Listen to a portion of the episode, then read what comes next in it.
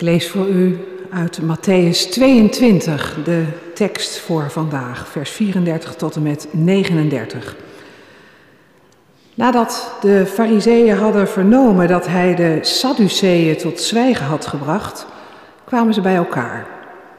Om hem op de proef te stellen, vroeg een van hem, een wetgeleerde, Meester, wat is het grootste gebod in de wet? Hij antwoordde, heb de Heer uw God lief met heel uw hart en met heel uw ziel en met heel uw verstand. Dat is het grootste en eerste gebod. Het tweede is eraan gelijk. Heb uw naaste lief als uzelf. Deze twee geboden zijn de grondslag van alles wat er in de wet en de profeten staat. Gemeente van onze Heer, broeders en zusters. Liefde voor God, voor jezelf en voor je naaste. Dat zijn woorden die extra hard binnenkomen. Nu we de afgelopen tijd zoveel oorlogsbeelden zien en hebben gezien. We zagen ze al uit Oekraïne, maar dat waren we misschien een beetje vergeten ondertussen. En nu zien we ze weer. Uit Israël, uit Gaza. Dood, verderf, verdriet, kapotte levens, kapotte gebouwen, mensen die tegenover elkaar zijn komen te staan. En ook in Nederland brengt dat onrust. Ik ken maar weinig conflicten die zo gepolariseerd zijn als dit conflict. Een genuanceerd gesprek is eigenlijk niet meer nodig, niet meer mogelijk, wel nodig. Ook in de kerk niet. En dan spreekt Jezus vandaag in dat gesprek in Matthäus over het grootste gebod voor mensen.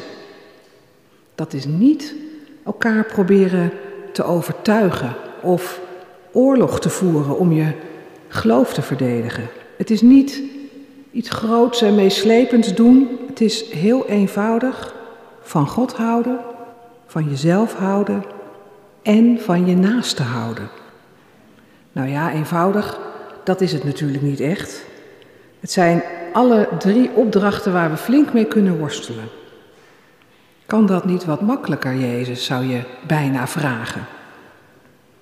Dat gesprek hier tussen Jezus en de Fariseeën, dat is niet een fijn, gezellig gesprek bij de koffie. Het is een gesprek op het scherpst van de snede. Er staat iets op het spel. Hier is als eerste de vraag: vertel ons nou eens wat het belangrijkste gebod is. Het is niet een open vraag die voortkomt uit interesse, maar het is een vraag met de bedoeling om Jezus te ontmaskeren, om hem in de val te laten lopen. Maar Jezus gaat heel serieus op de vraag in.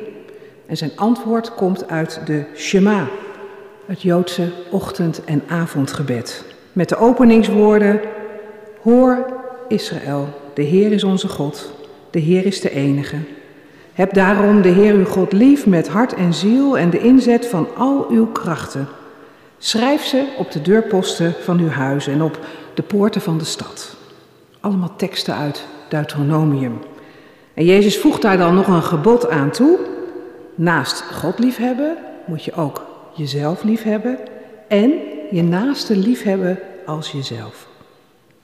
En wat Jezus zegt is dat alle andere geboden, de wet en het onderricht van de profeten, dat die allemaal niet vervuld kunnen worden of uitgevoerd worden zonder de liefde. De liefde is de basis. En liefde, ja, dat is dan niet alleen maar een fijn gevoel, een emotie of vlinders in je buik, zoiets. Het is veel omvattender. Je naaste liefhebben, dat is het goede zoeken voor je naaste. De mens die jou heel dichtbij is, maar ook de naaste ver weg. Los van wie hij of zij is. God liefhebben, dat is eerbied hebben voor God, liefde, gehoorzaamheid, de erkenning dat God de schepper is van de hemel en de aarde. En jezelf liefhebben, dat is goed voor jezelf zorgen. Blij zijn met hoe God jou geschapen heeft. Nou, dit is een antwoord van Jezus waar de fariseeën geen aanstoot aan kunnen nemen. Jezus stelt de liefde boven alles. Deze week kwam in de Kruiskerk, mijn gemeente in Huizen, de Jong Plus kring samen. Het zijn jongeren die beleidenis hebben gedaan en die nu nog verder willen gaan met de Bijbel bestuderen, daarover in gesprek gaan. En in ons gesprek vertelde zij dat als ze aan vrienden of collega's vertellen dat ze christen zijn, dat ze naar de kerk gaan, dat er dan heel vaak wordt gezegd: Maar moet jij je dan niet aan heel veel regels houden? Je mag dan heel veel niet, toch? Je mag niet uitgaan, je mag geen seks, hoezo geen seks? Het is vast allemaal heel streng, dat leven dat jij hebt. En dat is vaak het beeld van het christelijk geloof. En laten we er eerlijk zijn, we hebben als christenen ook wel eens de indruk gewekt dat het zo is. We laten niet altijd het beste van onszelf zien. Het gaat bij God om de liefde. De liefde voor Hem. En niet om allemaal regeltjes, maar om de liefde. En hoe doe je dat dan? Je naaste liefhebben. Naar het goede kijken bij de anderen. De goedheid ontdekken. Onlangs las ik het nieuwe boekje van de theoloog en predikant Margriet van der Kooi. En het heet Goedheid voor het oprapen. Oog hebben voor liefde en hoop. En ze zegt in dat boekje: Ik ben er zeker van dat het goed is voor het hart en de ziel als we aandacht geven aan wat goed is. Ook in de ander, waar we dankbaar voor kunnen zijn, aan wat lukt. Aandacht voor goeds en goedheid dat beschermt ons tegen wanhoop, tegen moedeloosheid en tegen cynisme. En het brengt bloei en het brengt hoop. In het boekje horen we verschillende, zien we verschillende domeinen waar Margriet van der Kooi die goedheid tegenkomt. Dat kan heel klein zijn. Een hand op je schouder van iemand die je bemoedigt. Een mooie wandeling door het herfstbos. De goedheid van de schepping. Samenkomen in de kerk om Gods liefde en goedheid te vieren, samen verdriet hebben. In het boekje reikt Van der Kooi ook een mooi nieuw begrip aan, nieuwe zorgeloosheid. Ze zegt weten van goedheid zorgt niet voor de zorgeloosheid dat het je allemaal niets kan schelen wat er in de wereld gebeurt, maar het is een zorgeloosheid die voortkomt uit het besef dat we met z'n allen zijn opgenomen in de goedheid van God ook die ander. Een aanmoediging horen we in het gebod dat Jezus hier uitspreekt, en ook in dit boekje, om anderen, anders te gaan kijken. Om niet alleen maar de ellende en de rottigheid te zien, ja, die is er zeker. Maar vooral ook te kijken naar goedheid, naar schoonheid, naar recht, naar waarheid en liefde. En dat is er. Kijk maar goed.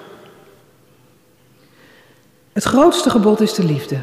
En daarmee misschien ook wel het moeilijkste gebod van allemaal. Want je houden aan wetten die je vertellen wat je mag eten en drinken, dat is allemaal nog betrekkelijk simpel. Maar liefhebben, werkelijk liefhebben, dat is een grote opdracht. Het grootste gebod. Jezus vertelt het. En Jezus doet het zelf ook voor.